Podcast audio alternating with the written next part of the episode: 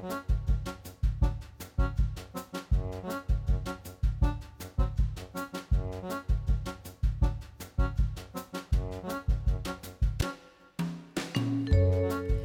og sæl, velkomin í mannlega þáttin. Í dag er miðvíkudagur og það er 12. oktober. Já, og við byrjum á því að fara aðeins aftur í tíman og skoða hvað við gerst á þessum degi í sögunni. 1581 á Patreksfyrði var hveðin upp dómur sem skildaði alla Íslandinga til þess að eiga vopn. Kallaðist dómur þessi vopnadómur en komst reyndar aldrei í framkvæmd nema á vestfjörðum. Já, Á kvalfjaraströnd fannst böðullin Sigurður Snorrason látin í læk og var bóndin Jón Rekvisson skömmu síðar dæmdur fyrir að hafa mistan. Þetta var á uh, þessum degi 1683. Vestunarskóli Íslands var settur í fyrsta sinn á þessum degi árið 1905. Já, og 1918 Köllugós hófst og stóð til 4. november, fylgdiði mikið jökulhlaup á Myrdalsandi og myndaðist Köllutangi í kjölfarðess. Óslíðarvegur var opnaður eh, á þessum degi árið 1949 milli Nýfstals og Bólungavíkur. Eh, fyrstu bifrið um vegin óg Sigurður Bjarnason, alþingismadur, en farþegar hans voru Hannibar Valdimarsson og Einar Guðfinnsson meðal annara. Kvikmyndin 79 af stöðinni eftir skálsögu Indregi Þorstenssonar var frumsýnd í Reykjavík á þessum degi 1962. NASA misti samband við geimfarið Magellan á þessum degi árið 1994 þegar það fór inn í andrumsloft Venusar. 2003 Mikael Schumacher sló með Juan Manuel Fangio þegar hann sigraði formúlu 1 kappaksturinn í sjötta sinn. Já, en yfir í efni þáttanins í dag. Já, Ellen Kalmún hefur verið ráðinn framkvæmda stýra barnahilla og hún er nýkominn úr ferð til Jórdaní og Ítalju þar sem hún heimsótti verkefni barnahilla e, þar í landi. Og hún heimsótti meðal annars flótamannabúðir og við ætlum að ræða við hana um þessa ferð og svona helstu verkefni barnahilla hér á Íslandi. Já og Bræi Valdimar Skúlason hann heldur fyrirlestur á eftir á ráðstöfnu Jafnvægis Vogarinnar á vegum FKA félags kvenna í atvinnilífinu sem hann kallar allskynns orð. Þar ætlar hann að velta fyrir sér hvernig við getum nálgast kyn hlutleysi í tungumálun okkar. Hverjir eða hver séu að streytast á móti eru það við eða kannski bara máli sjálft. Eh, Bræi kemur til okkar á eftir og við ætlum að ræða sem sagt kyn hlutleysi og kynjað mál. Og svo fáum við postkort frá Magnús er eh, einarsinni. Magnús er nú snúin tilbaka eftir nokkur að vikna ferðalag viða um Evrópu. Í postkorti dagsins segir hann frá því hvað það þarf til að geta kallast eigamæður. Hann segir frá ættingum sem hafa talist og teljast eigamenn en til þess þurfa menn að sanna sig á ímsan máta. E, við heyrum líka um konfektversmiðu í Úkrænu og eiganda hennar en það var engin annar en fyrir um fórseti landsins sem nú er sakaður um landráð en samt lift að taka þátt í baratunni gegn rúsum. Við heyrum að það verður víða komið við í postkortinu frá hann Magnúsi í dag. Já, en uh, við vorum að rifjað upp að það er, hún var frumsýnd einmitt í dag, það eru 60 ári í dag síðan að 79 stöðinni var Já. frumsýnd. Uh, og þá er bara ekki úr vegi að byrja á lægi úr henni. En mitt vegi líka til allra átta eftir Sigfús Haldásson og tekstan geði Indriki Þorstinsson.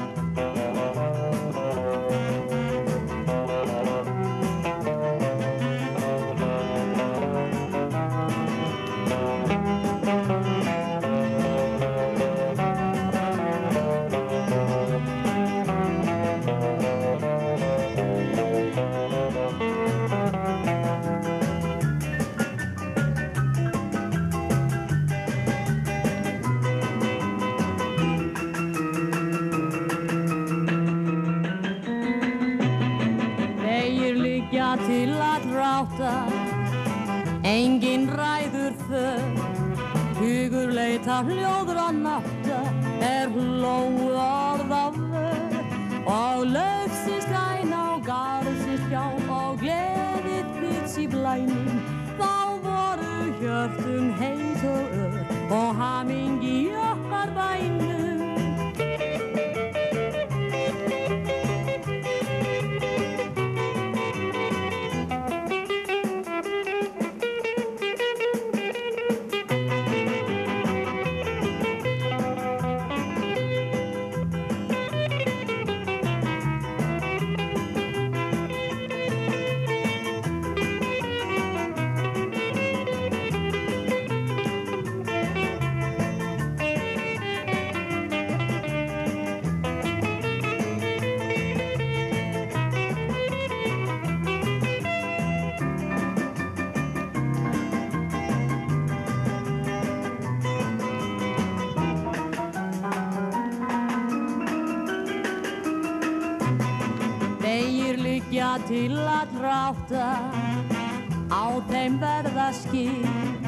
margrar þrautinn þungra náta að því ást og finna til og býða þess að byrt á ný og bleikur morgun rísir nú strykur blærin stafn og þig stinjandi garsins frísir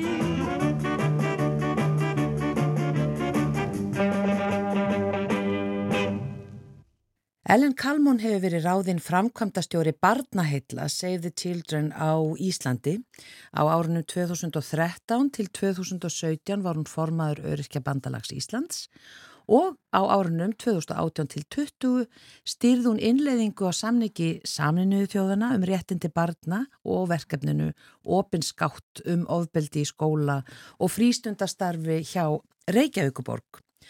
Og uh, já, bara til dæmis í ljósi þeirra atbyrða sem hafa átt sér stað innan framhaldsskólana og á meðal nefnda þeirra á undarförnum dögum, þá uh, taka barnaheit heilsugar undir ákall nefnda um að virk viðbrás áallun sé til staðar til þess að taka á kynferðisbrotum.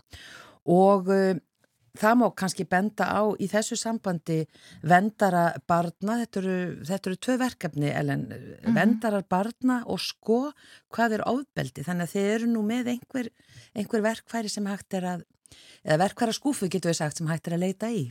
Já, svo sannarlega og þessi, þessi námskeðvendari barna og sko hvað er ofbeldi eru verkefni sem eru byggð á gaggrindum rannsóknum og uh, hafa verið í þróun hjá okkur í fjöldamörg ár og við hvetjum alla, allt starfsfólki í hérna, skóla og frístundastarfi til að kynna sér þetta og ég held að sé greiðlega mikilvægt að innlega þessi verkefni inn í, inn í skólastarf. Þarna eru við að kenna börnunum mörg, að læra að setja sér mörg, að læra að segja nei við ofbeldi og við höfum haft greiða miklar áhyggjur af eh, til dæmis eins og við höfum verið að sjá því miður aukna þróun á vopnaburði ungmenna meðal annars uh, um, það, er svona aukin, aukin hvað sem er, eru fleiri sem eru að ganga allir með nýfa á sér ja. og, og uh, svo eru við líka að sjá upptökur þessum að uh, ungmenn er að beita unnur ungmenni ofbeldi og það er einhver sem standa hjá og þú er ekki að stiga fram, þú er ekki að segja nei þannig að við leggjum miklu áherslu á það í þessari fræðslu okkar að börnin læri að, ungmenni læri að setja sér mörg, geta sagt nei, geta sagt frá og að treysta fullornum fyrir því að, að fá aðstóð og leðsögn í að, að forðast ofbeldi. Þannig komum við til veg fyrir það að það verði til eh, gerindur og þólendur í þessu samhengi. Þannig mm. ég hveti allar til að skoða verkefnin okkar eh, bæði sko uh, og vendari barna. Já, og þetta er sagt, fyrir grunnskóla og framhaldsskóla. Það geta allir nýtt sér þetta eða hvað? Já, og fyrir leipinundur og kennara. Mm. Mm. Akkurat. Hvers konar samtök eru barnaheill? Já, barnaheill eru fyrst og fremst málsvari barna og uh, við uh, vinnum að því, við hefum svona lagt mikla áherslu á það að vinna einmitt að því að uppræta ofbeldi og uh, barnaheill Save the Children á Íslandi voru stopnið árið 1989 og það eru þetta aðalmark með að vinna mannréttundu barna. En þau eru þess að hluta af alþjóðasamtökunum sem heita Save the Children og þau voru stopnið árið 1919 og þessi samtök starfa nú í 120 löndum, við erum með um 25.000 starfsmenn og eh, vinnum sérstaklega bara að réttindum og velferð barna með þetta barnasáttmála saminuð þjóðana leiðaljósi. Um, okkur telst það til að við séum að snerta um líf 180 miljónar barna hverju ári og síðan veitum við beina stöðning til um 43 miljóna barna um heim allan. Þannig þetta eru risastór samtök og svo sem kom á stopnu samtökuna er, er fyrsta mannski sem skrifaði svona fyrstu draugin að samningi saminu þóðunum réttindi barsins eða barnasáttmálan eins og við þekkjum hann í dag. Já, hver er verkefnin á þínu borði bara í dag? Í dag er ég nú að læra bara að kynnast samtökunum almenlega og ég nýkomin úr bara mjög merkilegri ferð til Ítali og Jórdaníu og í þeirri ferð þá fekk ég að hitta meðlans framkvæmda stýruna út á Ítalíu. Hún heitir Daniela Fattarella en samtökinu Ítalíu þau voru stopnaður 1998 og eru með um 300 starfsmenn. Í þeirri ferð þá fengum við að fara í til dæmis og heimsækja svona verkefni eins og eitt sem heitir nú byrst í afsökun og ítalska frambrunum Punto Luce sem að þið er svona spotlight eða kastljós og það var svona opið frístundaheimili fyrir börn í svona fátakari hverfum rómar e, þar sem að meðaltekjur heimilisins eru 200-400 eurur á mánuði. Eh, Punta Lútsi er í tveimur húsum, eh, annars vegar húsi þar sem eldri krakkarnir eru og hafa eh, tækifært fyrir stundafrístundir og síðan annað húsi þar sem eru yngri, yngri börn og mæður fyllt oft með. Og þetta voru oft mæður eða eru oft mæður sem er ekki með ítölska móðumáli og fá svolítið svona menningar kynningu í leiðinni. Og það er hugað afskaplega vel að þessu mærum og börnum það er líka bara að vera að laga mat og læra ítölsku og og, eh, og þetta úrræði reikið af segðu tildræni á Ítalíu um, og þau jáfnvel hafa þurft að koma því að greiða ramasreikninga fyrir þau allra fátukustu. Við, við hérna, þetta var mjög áhugavert. Svo fórum við líka í eina félagsmyndstöð sem heitir Civiccio Zero og það er opin félagsmyndstöð fyrir börn og flótta og þetta eru oft fylgdarlaus flótta börn. E, mörg þeir eru að sofa jáfnvel á gödunni. E, þetta eru ungmenni, frá 12-14 og aðeins uppur. Mm. E, Um, og þau fá svo kallan næturpakka geta þau fengið á, á félagsmiðstöðinni. Um, til þess að bara skjálkóðan fatnað, eitthvað matarpakka og þeim er svona bent á hvað er best að sofa úti og hvað þau að gera þau lendi hættu úti e, yfir næturnar. Þetta var mjög áhugavert starf sem að þau e, sinna þarna. Mörg börnin eru hrætt við það að vera svona gómið og senda tilbaka þannig þau þóri ekki að gefa upp svona persónu upplýsingar en um, félagsmyndstum vil gerna skráðu börn sem koma þannig þú máttu koma inn og skráðu bara sem James Bond mm. Og þá erst þú bara James Bond hann inni. Um, síðan kom að því að flest þessi ungmenni voru svo bara reyðbúin að segja hvað þau héttu þau eru búin að vera þannig í nokkra mánuði en til að byrja með voru nokkru sem heita James Bond. Eh, Þannig líka unni mjög mikið með svona listmeðferðir, eh, það er stúdióupptakaðna, það er riðlistartímar sem þau fá að skrifa út sögu sína og það er líka ítölsku tímar og þau fá móti í leir og þetta var alveg ótrúlega öflugt starf. Þau ná börnum inn í miðstöðuna með því að vera með svona menningarbrúar smiði eins og til dæmis út á aðalæstastöðinni mm. og þá hittaði börnin fyrir eða ungmennin um, bjóða þeim kannski að koma í ræktina að því að þau eru með svona smá íþrótta aðstöðu þarna e, sem að síðan leiðir að því að þau geta farið í styrtu og þau í fötinn sín.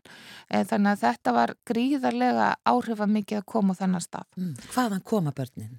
Þau koma bara hvaðan æfa að. E, mörg voru frá Sýrlandi en bara hvaðan æfa að og flest hafa þau einhvern veginn komið sér yfir til Evrópu á opnum báti það voru bara mjög mörg þannig. Uh, síðan fóru við frá Ítali til Jórdaníu og það var nú ekki síður áhugavert. Og þegar ég var beðin um svona uh, eitthvað eitthvað komment eftir þá ferð þá sagði ég sko ég get ekki kommentera strax að því fyrsta komment mitt er bara svona áfall. Eh, við fórum í Satari flótamannabúðunar þar sem búa 81.000 manns. Um, barnaheil segði tildrun uh, rekur, Jórdaníu rekur þarna Eh, barnvæn svæði svo kallið og við heimsóttum nokkuð barnvæn svæði meðal annars fyrir svona leikskólaldur svona 26 ára þar sem börnin fá að vera 6 mánuði senn. Um, og þar getur þau leikið og lært og ég hérna ha hafandi starfað í leikskóla og grunnskóla og verandi kennarament þá fannst mér alveg undravert hversu faglegt starf fór þarna fram. Uh, það var uh, leiðbundinur voru búin að útbúa námsgögn úr bara því sem að fannst og þetta var alveg ótrúlega merkilegt og mikil upphæð fyrir börnin að vera þarna því miður að því að okkur finnst þetta ætti auðvitað að vera sjálfsagt og við viljum gera enn betur þarna en e, Íslensku samtökinu Barnahild the Children á Íslandi hafa meðlans þeirra að styrkja samtökinu í Jórdaníu. Líka, það var líka mjög áhugavert að sjá inn á þessu svæði e, e er samstarf Barnahild Save the Children við hérna Arsenal, fókbaltaleðið mm. sem að rekur nokkra fókbaltavelli við heimsótum þannig að tvo fókbaltavelli annars verður fyrir strengi og hins verður fyrir stúlkur og það var alveg ótrúlega gaman að sjá hversu öflugt starf þar var og svona sjálfseflandi e, fyrir ungmennin mm. og börnin. Síðan heimsóttu við líka svona félagsmiðstöð eins konar fyrir stúlkur sem að e, og þannig eru þetta flestir frá Sýrlandi og e, þar voru stúlkur líka í svona kennslustundi með leifbænda sem verður að ræða bara um líkamann, breytingar og líkamann um ræða blæðingar, þær voru að e, agitera fyrir því að banna eigi barnahjónabönd og maður upplifið það að það voru nokkra stúlkur í hópnu sem hafði verulegar áhyggjur af því. E, og síðan, og þetta er svona sjálfseflingar eh, námskeið fyrir þær og þær fara síðan sem sendaherrar út í samfélagið, út í satari, út í, út í hérna e, sagt, búðirnar og ræða þessi mál opinskátt og þar, þær þurfa sko að vera þræl sterkar og öflur til að geta gert það í þessari menningu og fara alveg ótrúlega flottar stúlkur á það og hérna svo var eitt annað verkefni sem ég veist mjög áhugavert að segja frá og það var hérna leikskóli sem heitir Kjúrjó sem er leikskóli sem uh, segður til dæmi Jórdaníu Rekur. Sem er svona uh, ríkramannakverfi þar sem að sendiráðin eru og þar borga fóreldarinn mjög háleikskóla gjöld til þess að kosta annan leikskóla í fátakarakverfi og hérna og þau vinna eftir hérna Montessori hugmyndafræðinni sem er bara þekkt hugmyndafræði í leikskólafræðum og eru nótið hér á Íslandi við það uh, líka. Og við vorum nú svona pínu skeftiskar þegar við fórum þarna fyrst í, í fína skólan, vorum daldir hrættar um að þegar við færum í skólan í fátækara hverfinu að hann myndi kannski ekki vera jafn högulegur en hann var alveg jafn högulegur og þetta var alveg ótrúlega flott starf sem er verið að gera þarna og þetta er, þau eru með svona ákveð viðskiptamódel, þetta er ekki eitthvað sem við höfum að venjast í þessu en, en þau eru með ákveð viðskiptamódel að þetta verði sjálfbar rekstur á þessum tveimur leikskólum að fimm árum liðnum og ótrúlega spennandi verkefni að því að segðu tildin í Jórdaníu þeim hefur alls ekki gengið í neinskonar innanlandsöfnun þannig þau segja helst fjármagn utanfrá meðal annars frá Íslandi.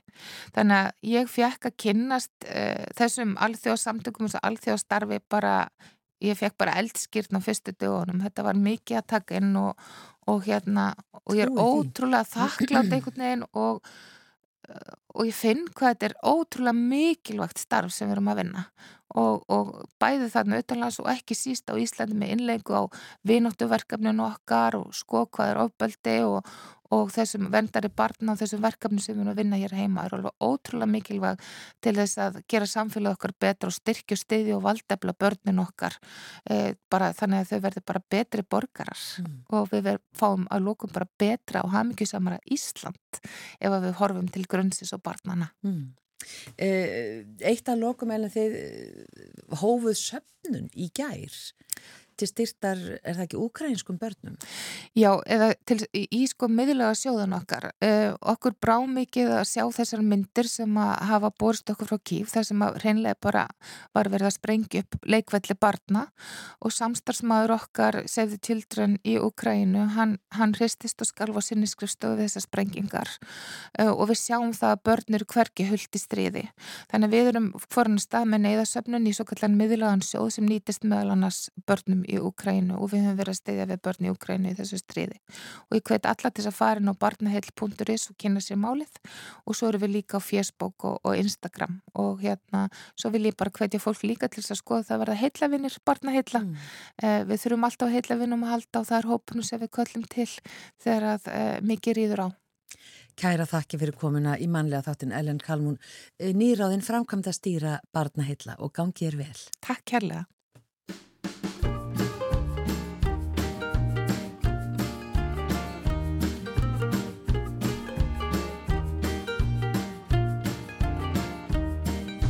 Er vetrarins gráu, vonleisis bönn, vefjast og fjötra mitt sinni og hönd. kuldan ég finn Hann kemur sér inn.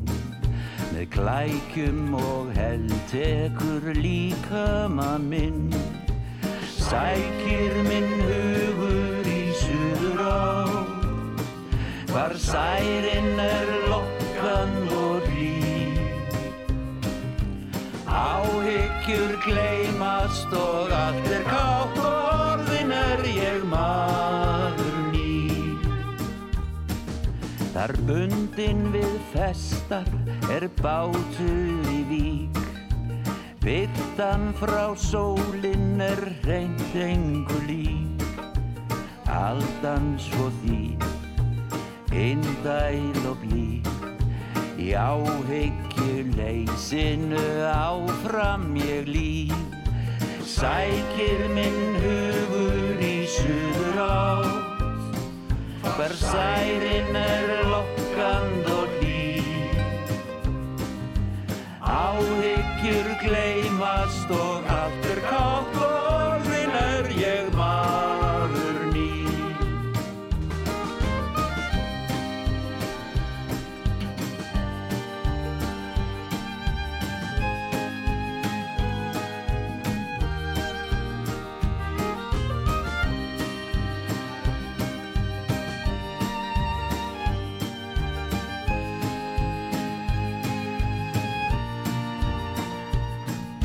skútunni minni ég skjólið mitt á. Í skítfyr og hörmungar þangað ein á Við miðjarðar sjó er mildi og fró. Minningar á ég um sælu og ró. Sækir minn hugur Hvar særin er lokkand og hlýr Áhyggjur gleymast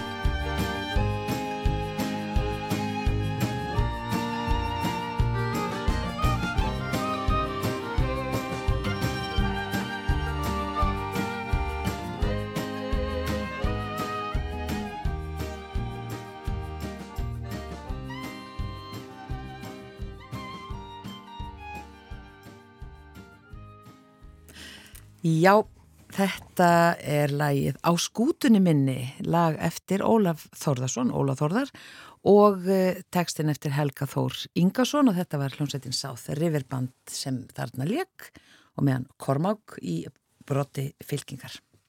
Já, en við ætlum að velta fyrir okkur hérna næstu mínútur uh, kyn hlutlausu máli uh, og alls kyns orðum og, og þá kynjuðu máli. Uh, Bræði Valdimar Skólason, hæ, þú ert komin hingað hérna til að, þú ert að fara að halda fyrirlestur bara eftir nokkra mínútur. Já, svona erindi, erindi, já, Já, um þú ert þetta. meiri sér sminkaður. Ég er já, einmitt og hérna, þetta er svo magnað að bara um, maður, heyrðu það á, á, á kynningunni hérna, þú fyrir að vanda þér svo mikið að, þegar maður fyrir að tala um hérna kynhlutlust mál að maður fyrir að herpist allur og hérna eh, passar hvert einasta orð sem maður segir. Ef þú kvíslar það ég þá- hvísla Já, maður. Já, Nei, það, já, þetta er, þetta er flókið. Þetta er flókið. Já að þetta sko í rauninni, þetta er ekkit eh, langt síðan að þetta virkilega fór að, fólk fór að ræða þetta. Að því að í rauninni já, útskýrðu aðeins með hérna bara kyn hlutlaust mál, hvað er verið að sko þetta er yfirleitt sko var þetta þannig að þú veist að tala um einhver fyrirtæki þá sagður þeir hjá Æslandir Já, já. en, og svona fólk er núna farið að segja um, miklu meira þau já, og það er kannski svona, svona eitt skrefið Já. svo er þetta uh, sprettur þetta upp sko til dæmis uh, þegar þú ert að auglýsa einhvern viðburð uh, allir velkonir Já. sem hefur bara verið alltaf Já, í sagt. Já, allir velkomnir og það er þetta, að- að- sko, nú er mikið verið að segja sko öll velkomin og, og allt þetta sem er bara frábært Mm. og en, en það er alltaf þetta sko að karlkyn er með einhvers konar svona svona eh, grunnstöðu Forgang. sjálf, já, forgang, sjálfgefið í málunum, ég finnst það svo áhugavert Já, af hverju er það? Um, er það bara, af því bara það eru örgulega alls konar málfræðileg rök fyrir því af hverju það er svona. En, en þetta, með, við erum alltaf með þessi þrjú kyn að flækjast í málunu og það er alveg nógu flókið bara fyrir fólk sem er að koma utan að, þú veist, ég tók hérna dæmi, sko, það er hannstóllin mhm, það er húnsessan og það sætið. Já, Þú, Já.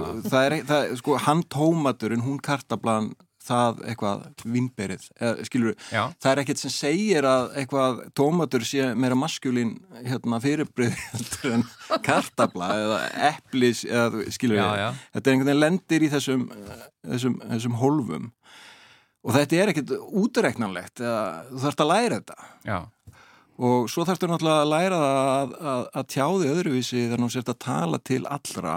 Já, uh, og það er flókið af því að við erum bara forrituð bara, þú veist, að læra eitthvað nýtt er ekkit auðvelt já, fyrir, já, fyrir fólk á, á besta aldri sko. þannig að þú veist, það er alveg eðlilegt að, að það sé svona mótsta en það sem er svo áhugavert er að þetta er að breytast Mm. Og fólk er farið að leiðrétta sig. farið að hugsa og, og hérna kannski oft svolítið erfitt með að vanda okkur þegar við erum að tala en, en það sem er svo áhugavert og líka hlusta bara á krakka vera að tala þau eru bara komið með þetta. Það er bara e, hán var að leggja bíómynd og veist, þetta er komið inn í, inn í kerfið. Meðan, meðan við þá er bara byrja hán uh, já, hán, já, einmitt.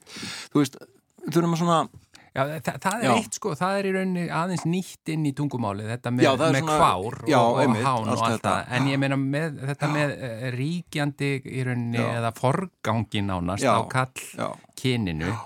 Þetta, er, þetta snýst í rauninni ekki um að breyta málfræði reglum Nei, eða neitt sko, þetta snýst bara um orðaval. Og ég, já, ég, ég vil að, í það mest að meina það að sko, tungumálega er alveg til í þetta það er, hefur hérna alla innviðina, þetta eru ekki alltaf innviði, það, það, það er bara tilbúið, Já. Þa, það getur alveg tekið við breytingum, það er bara lifandi og, og, og svona, en auðvitað viljum við, ég skil líka alveg að fólk sem er svona báið, þú veist, mun þetta bara kollvarpa einhverju einhverjum grunnstóðum en, en þarf það endilega vera? Ég, sko, ég held að tungumáli alveg til og mér, það er líka bara með framsetninguna, þú veist, allar orðabækurnar okkar. Uh, ég, ég man bara sko, uh, ég lærði einhvern tíman að öll, að stopp, já, stopp lýsingar orða væri í kvenginni mm, þetta er bara eitthvað sem maður lærði bara, þetta er eitthvað sem er einhverju málfræðibók.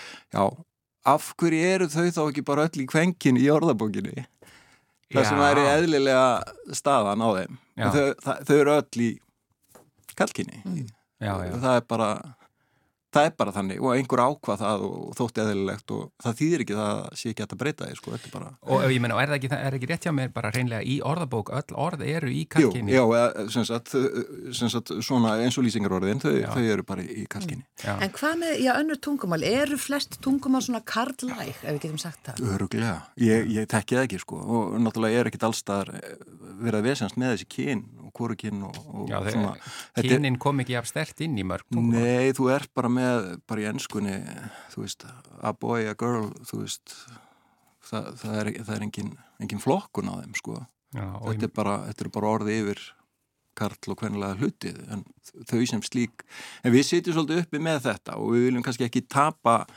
kynjónum úr tungumálunu það nei. væri ein, einleið bara en, en það er þessi gamli frasi sem Já. er mjög oft skotið fram í þessari umræði, þetta hérna, konur eru líka menn. Einmitt, sem það að, er hérna, á að réttlæta í rauninni e, já, en, en, maður. Og, og, já, einmitt en nú, nú bara til dæmis kemur upp að hörða andstæða gegn því að e, konur séu Já, já. kallaðir menn eða kallaðar menn já. segja. og það er alveg sko, ég, sko þegar- maður segir maður já, þá ertu raun og ekkert endilega að hérna, tala um einhvern, einhvern karlmann.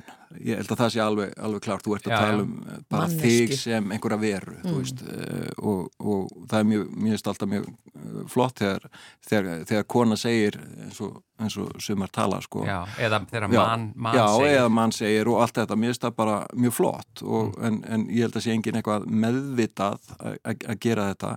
En sko, konur er ekkit alltaf karlar. Ég, ég meina, konan mín ég er ekki spurður hvað heitir maðurinn þinn? Nei, uh, hún heitir Þórdís, hann heitir þessi ekkit algild. þetta, þetta, þetta virkar ekki báðar áttir sko. Og, og það, bara eh, karlmaður og hvernmaður, eh, karl og kona þú, þú ert ekkit allt, þú nota maður fyrir kannan karl þegar þú ert að tala um já og svo er allt þarna alls konar komið þarna á milli og, og þetta er bara að flækjast og við þurfum að læra. Já. og það er bara gaman. Er Þa, ekki? það er gaman að, að hérna, tungumáli sér lifandi Já. það er engin að uh, veltaði fyrir sér að fara að breyta latínu eitthvað, hún er bara steindauð og er bara greift í stein sko. Já, en íslenskan er lifandi og meðan hún er það þá, þá þarf hún að geta tekið breytingum og svo er þetta sko eins og starfstitlar og annað Einmitt. hafa mjög mikið verið í kallkinni Já, og það er eiginlega sko, hérna, það er svakalegt sko. það, þau eru öll í kalkinni Já, ég var bara að skoða hérna í, í e, viðskiptablaðinu tekjulista. Já, og þá var til dæmis, ég man ekki hvort ég sé að segja nákvæmlega réttan flokk, en það var samt akkurat svona dæmi, það var hérna listi yfir menn í Já. atvinnulífinu. Já, og svo kom fullt af konum. Og það, af því þarna var ekki verið að tala um starfstitil sem var kallkin, heldur það var bara hreinlega sagt menn í já atvinnulífinu ég var bara skoða, þú veist, eitt er sko hérna stjórarnir, bankastjórarnir og, og hérna skólastjórarnir og allt, jú, jú, það er einhverja stýrur líka. Já, já, Uh, en þetta er bara stjórar og svo eru allir mennirnir, flugmennirnir og sjómennirnir og, og, og hérna einmitt stýrimennirnir og þingmennirnir og glæbamennirnir og allt þetta. Og fórstuðumennirni? og fórstöðumennir þú veist, þetta var einhvern veginn ákveð og, og, og ef þetta væri verið að búa til eitthvað nýtt í dag þá, þá er þetta ekkert í búaði að búa til titillin e, flugmaður. Nei, nákvæmlega. E, hérna En svo var tíðin að það voru bara eða- menn sem voru í þessum stöðum. Já, og einmitt og eins og, eins og hérna bara ráðherra sem hérna eh, þetta er agalegt orð. Ráðherra, bara til að byrja með er þetta rosalega uppskrúað og, og svona herra. einhver herra sem ræður öllu. Og það voru alveg orð fyrir það einhvers konar danska, einhver konferisráð og eitthvað, það sem var bara ráð í, í hérna korginni.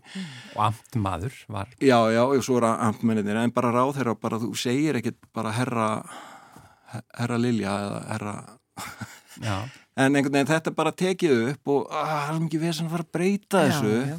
En, en er það það mikið vesen að þú vilt bara halda einhver svona mjög skrítnum titli bara endalust bara En gætu við, við notað eitthvað annað í staðin fyrir Já, ráðherra? ég, ég, eins og til dæmis bara ráð uh, var bara notað yfir svona embætismenn, það var sem sagt bara orðið eitthvað ráð, bara júris ráð, konferisráð í eintölu um, um þá já, já, já, ekki sem sagt sem eins og, eins og, eh, eins og stjórn, eh, ekki, hérna, og stjórnaráð eru nú leifar að þessu sko uh, en ekki eins og svona hópur af fólki sem er ráð já, já, já. en hérna bara um, um einn, einn og þetta gæti bara verið yfirráð eða skiljið ég Já. veit það ekki auðvitað, auðvitað er, er það alltaf umræði hvert rétta orðið er og Já. það er, veist, fólk verður aldrei sammála um það sko, en hérna En þetta væri fín Þetta er bara svo áhugavert, svo er bara, þú veist, það eru læknar og píparar og, Og þú hefur nú og- aldeilis verið fenginn til þess að smíða ný orð Já, já, og ég menn og hérna- fleiri hafa ekki, Ómar Já, Ragnarsson já, og fleiri. bara en, og, og, Og það hann- er líka, það má, það má breyta. Það, það, þú veist, auðvitað hefð, hefðin er góð en þetta er líka bara vani og, og bara tungumáli er vani þetta er bara reglur sem við ákveðum. Venjur, já. Já, venjur bara sem hvernig ætlum við að tala saman? Hvernig ætlum við að eiga samskiptið þetta er bara, þetta er bara svona þetta er bara svona tækja kassi sko. Já, og ef að einhver hópur eh, innan samfélagsins finnst ekki verið að tala eh, á réttan hátt til sín, þá er alveg fullkomið að taka og bara eh, taka tillit til til þess þess. og ekki segja bara nei, það er ekki hægt að breyta þessu. Já, það, Þetta hefur alltaf verið svona. Já, þetta hefur bara alltaf verið svona og verður alltaf svona bara næstu þúsund árin og Þannig að við höldum áfram bara að þá fara bara allir að tala, tala eitthvað einfaldara málu svo ennsku eða eitthvað sem, sem er laust við þessa þetta vesen. Við að bara sé- stinga upp á því hér með? En sko, ég bara helst ekki sko. Nei, Á er nú miklu skemmtilega að vera búið til nýjórð, já, ekki þetta spurning. er bara gaman. Heyrðu, það er reyndar eitt, eitt orð sem eh, eh, held ég karl, karlar eru til í að uh, þið vilja ekki vera flugfræður þá var búið til eitthvað flugliði þannig að það var örglega hægt að tala um flug, flugfræður í já, en hérna ofurhetja. Kallar eru til í að vera ofurhetjur. Já. en ég held um leið og ég fatta að þetta er eitthvað svona stelpu, stelpu titill þá, hérna, Ah, þá verður þessu breytti ofurliði. Ég held að ég sé ekki búin að fatta þetta sé í kvenkinni. Bræði Valdimar Skólason, takk kærlega fyrir að koma og ræða við okkur um bara kyn, hlutlust og kynjað mál. þó það nú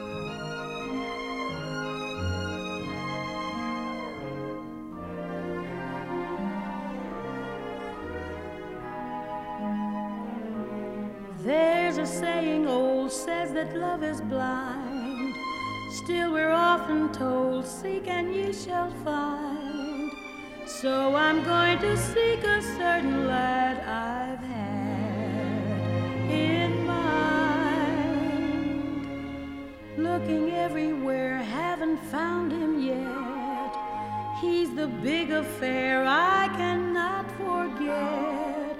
Only man I of withering.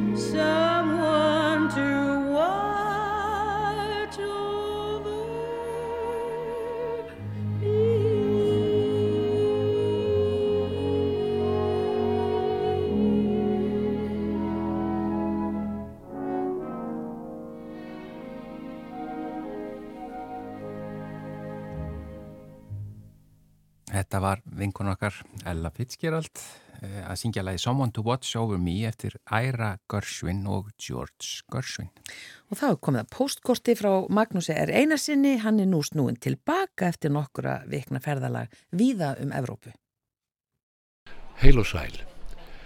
Eftir að hafa verið á faraldsfæti um hinn ímsu Evrópuland undan farnar vikur, þá var nú nokkur kvíldi því að komast heim til eiga og hægt að lifa með ferðartöskur í eftirdrægi um flugvelli, rútur, lestar, leigubíla, hótel og gististadi.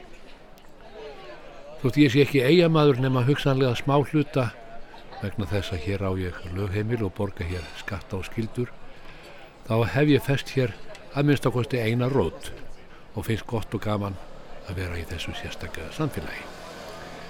Ég komst reyndar fyrir nokkuð laungu að því að hér í eigum átti ég skild fólk forðum daga. Frænda og frængu sem byggu hér á ofanverðri 19. öld. Hann hétt Einar Eiríksson, guldsmiður og var langum með bróðu minn og bjó hér á samt móður sinni. Þessi frændi minn tók mormónatrú og fluttist frá Vestmanniðum til Spanish Fork í Júta árið 1880 og þar namn hann land gerðist bóndi og efnaðist vel. Ekkert vissi um þennan frænda minn fyrir einn kaldan vetrardag að kvöldi til í janúar 1976 að það er ringt á dyrabjöllu og þegar ég kem til dyra standa þar tveir jakkafattaklættir ungin menn. Annar þeirra réttir fram hönd, kynni sig og segir Komdu sæl, ég heiti Ty Eriksson og ég er frændu þinn. Þarna hittust við fjórmenningarnir í hið fyrsta og eina sinn og hann frætti mig um langafi sinn og langömmu bróður minn, Einar Eiríksson. Tæ Eiríksson var stattur á Íslandi í skildubundnu trúbóði fyrir mormóna en hann var annars að læra læknisfræði og bauða sér góðan þokka. Þessi frændsemi við Einar Eiríksson, langömmu bróður minn, gerir mig vissulega ekkert að eigamanni En hér á ég annan frænda sprelllifandi, Sigurmund Gísla Einarsson og við erum skildur í þriði og fjórðanlið. Hann er ekta eigamadur og segir mér að það þýði ekkert fyrir mig að kalla mig eigamann fyrir en ég hafi verið að minnstakosti eina vetravertíð á sjó, hafi veitt fleiri hundru lunda, þekki og geti staðsett að minnstakosti 40 örnefni á heimakletti. Simmi er toppmaður og hann bauð mér að vera með í hljómsveit sem spilar ekkert nema eigalög og þar er ég næstum aldursforsetti í bandinu. Einar Eriksson, langummi bróður minn, hefur öllum líkjendum tekið þátt í fyrstu þjóðháttiðin í eigum sem var haldinn sunnudaginn annan ágúst árið 1874. Svo þjóðsaga hefur verið lífseg að vestmanneingar hafi ekki farið til Þingvalla til háttíðahaldana vegna ófærðar en þeir eru ymsir sem segja að það standist alls ekki vegna þess að það er greinilegt að eigaskeggjar hafi undirbúið þjóðháttíð sína með margra vikna fyrirvara. Þeir höfðu viða aðstjær veisluföngum og staðið í byggingafrænkvæmdum inn í Herjólsdal sem var og er dágóðan spör frá þorpinu við höfnina. Meðal annars byggðu þeir heilmikinn vegg úr torfu og grjóti og nótuðu hann undir veisluföngin. Menn reys ekki þannig vegg á einum degi eða tveim um hábjargræðist tíman bara vegna öldugangs í byrjun ágústmánaðar og það má enn sjá leifar veggjarins inn í Herjólstad. Sennilegasta ástæði fyrir því að eigamenn vildu halda sína eigin háttíð frekar en að ferðast til Þingvalla má eftirvill rekja til þess að 1874 þá ferðist allt eignarhald lands í eigum með öllum hlunundum og jörðum frá danska konginum til Íslendinga. Það var ekkert smá mál. Menn hafa nú júbilerað af dauvari ástæðum. Því þá eignuðist Íslendingar eigarnar aftur eftir að þær höfðu verið í eigu annara í um það bíl 700 ár. Fyrst eignaðist biskupstólinn í Skálholti sem sé katholska kirkjan, Vesmanegjar, snemma á 12. öld en síðan töpuðust þær á 15. öld í hendur Norriskonunga sem setna töpuðu þeim ásand öllum sínu löndum til Danakonungs. Kristján IX kom með stjórnarskrána 1874 og í leiðinni letan Vestmannegar úr sinni eigu eftir því sem segir í sögu Vestmanneja eftir Sigfús Jónsson. Þannig er nú það. Eftir tvö ár verða liðin 150 ár frá henni fyrstu þjóðháttíð og mjög finnst ólíklegt annað en að þess verði minnsta vestmanningum með stíl og stæl. Ef við lítum aðeins út í heim, þá gerðist það meðal annars árið 1874 að stopnuð var konfektversmiða í Kænugarði í Úgrænu sem enn er starfrækt.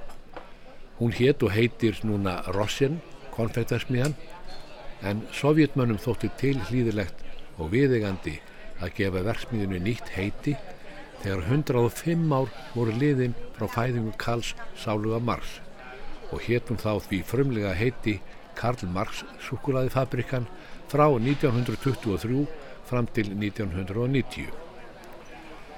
Rossin konfekti er frækt víða um Östur-Evropu en hefur nú reyndar verið bannað til svörlu og neyslu í Rúslandi út af fílu rúsa í garð Ukrænumanna. Það sem er einhverjum aðdegli við Rossin konfektfabrikuna er að hún er í eigu manns að nafni Petro Poroshenko. Það mun að sjálfsagt einhverjir hlustendur eftir Petro Poroshenko því hann var forsett í Úgrænu á undan Volodymyr Selenski. Petro var árið 2012 í 1153. sæti á Forbes listanum yfir ríkustu menn veraldar og var þá metin á 1 miljard bandaríkjadala. Hann hefur hins vegar rapað nokkuð niður þennan lista vegna þess að Rosin konfektið er nú bannað til svölu og neistlu í Rúslandi eins og áður sagði. Petro Poroshenko gengur undir nafninu Súkulaði kongurinn vegna eignarhalsins á Rosin konfektunni austur í Úkrænu en hann var líka bílaversmiðu, sjónvarstöð, skipasmiðastöð og fleiri eignir. Petro Poroshenko var kosinn fórsett í Úkrænu 25. mæ árið 2014 aðeins tvei mánuðum eftir að rústar höfðu hernumið Krímskagan. Sem fórseti þá héttan því að ná aftur Krím berjast gegn uppreysnaröflum hliðhóllum rúsum í austur úgrannu hérðum sem nú hafa verið innlimuð ólöglega kremlinar valdunum. Hann hóf samninga viðræður við Evrópusambandið og lísti yfir vilja til að ganga til liðs við NATO. Ekkert af þessu gerðan vinsaran við Rauðatorkið í Moskvu og Rossin konfektið var bannað. Samt tapaði Petro Poroshenko miljardamæringur og sukulaði kongur fyrir grínistanum Volodymyr Selenski þegar hann sóttist eftir endurkjöri 2019. Selenski sigraði með miklum yfirbörðum, hlautum það byrj 75% atkvæða. Skömmu eftir kostningarnar réðist úkrænska lauriglann inn í höfustöður Floks Poroshenkos og líkamstaræktarstöði í hans eigu Þar fundust faldar myndavílar og upptökutæki í reikskinnjurum. Ásökunum njósnir komu fram sem og ásakanir um spillingu, skattsvík og peningaþvætti. Og nafn Poroshenkos er áberandi í Panamaskjölunum sem og í hinnum svo nefndu Paradísarskjölum. Það var ljóst að fórsetin fyrfirandi var að nýta sér skattaskjól til að komast hjá því að greiða skatt eins og aðrir þegnar Úkrænu. Sömulegðis átti hann fyrirtæki á Kýpur þar sem hann borgaðis 5% skatt í stað átján heima í Ukrænu. Slíkt er ekki óþægt aðtæfi viða um lönd hjá pólitíkusum og svökkulluðum aðtapnaðskáldum og ekki einu sinni hér á landinu bláa. Spilling hefur verið landlæg í Ukrænu. Poroshenko hafði sem fórsetta ekki tekist að draga úr henni að neinu verulegu marki og þegar ljós kom að hann hafði sjálfur stundað undanskot og falið fjell í skattaskjólum var sagt að dauður köttur hefði getað sigraðan í fórsetakostningunum. Í desember á liðnu ári var Petro Poroshenko sagaður um landaráð fyrir að hafa stutt við hriðjverkarsamtök og fjármagna hriðjverk með því að kaupa kól af uppreysnarmönnum í austur hérðum Ukrænu. Ef hann verður fundin segur þá á hann hefur höfði sér 15 ára fangelsistóm. Í janúar síðustlinum voru svo ymstar eignar hans gerðar upptækar af dómstólum í Ukrænu. En skjótt skipast veður í lofti eins og við vitum. Russar réðust inn í Ukrænu 25. februar síðastliðin og um sama leiti sneri Petro Poroshenko tilbaka úr sjálfskeipaðir útlegð til þess að taka þátt í baróttunni gegn innrásinni. Honum var gert að afhenda vegabrefið og bannað að yfirgefa landið. Hann kom fram í sjónvarpi með Kalasnikov riffilum öxl innan um fólk á gödum úti í Kív og var herskár í tali.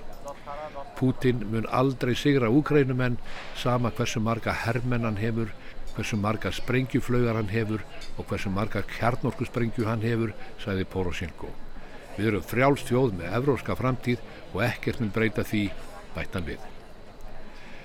Petro Poroshenko hefur sést í þó nokkru viðtölum í evróskum og amerískum fjölmjölum og ávatt í herrklæðum með Kalasnikov riffilinn með sér. Hann hefur keift fyrir eigið fyrir heilmikið af herrgögnum sem hann hefur gefið úkrænska hernum. Og það er einmitt til margs um baróttu vilja úkrænumanna í þessum hildarleik við stórveldi Rúsland að þessum fyrrum fórsetta sem hefur stöðu sakbornings sem landráðumadur honum er leift að taka þátt í ansbyrnunni og rúmlega það Honuku hafa verið falið stjórn yfir herrdeild í úkrænska varnaliðinu og staðsetning deildarinnar henn er haldið leindri. Sakirnar við hann verða að sögn gerðar upp síðar því allt annað er meira áriðandi nú sem stendur. Bestu kveðjur og góða stundir. Þetta var postkort frá Magnúsi R. Einarsinni og eh, við ætlum svona rétt í lokin að minna á sérfræðing vikunar sem eru hjá okkur á morgun sem er Björn Berg Gunnarsson og sem er deildastjóri greiningar og fræðslu hjá Íslandsbanka. Og hann ætlar að svara allskinn spurningum um sparnað Heimilisbókald vexti á lánum Já, bara í rauninni allt sem að kemur að eh, okkar daglegu, daglega bókaldi Já. bara við, við sem borgarar þessar lands Einmitt Og einn spurning til dæmi sem hann ætlar aðeins að fara yfir það er þessar breytingar og samspili sérregnarspartnaðar og tryggingastofnunar um áramótin. Það, það eru stóra breytingar og ekki allir sem eru já, upplýstir um, um þær og hvernig þær virka. Þetta er daldi flókið. En ef þið hafið spurningar sem að við koma í mitt þessu uh, lánum eða heimilisbókaldi eða, eða sparnaði eða hverju sem er þá endilega sendið þær á mannlegi hjá rúf.is eða mannlegi at rúf.is En við þökkum samfélgina í dag. Veriði sæl.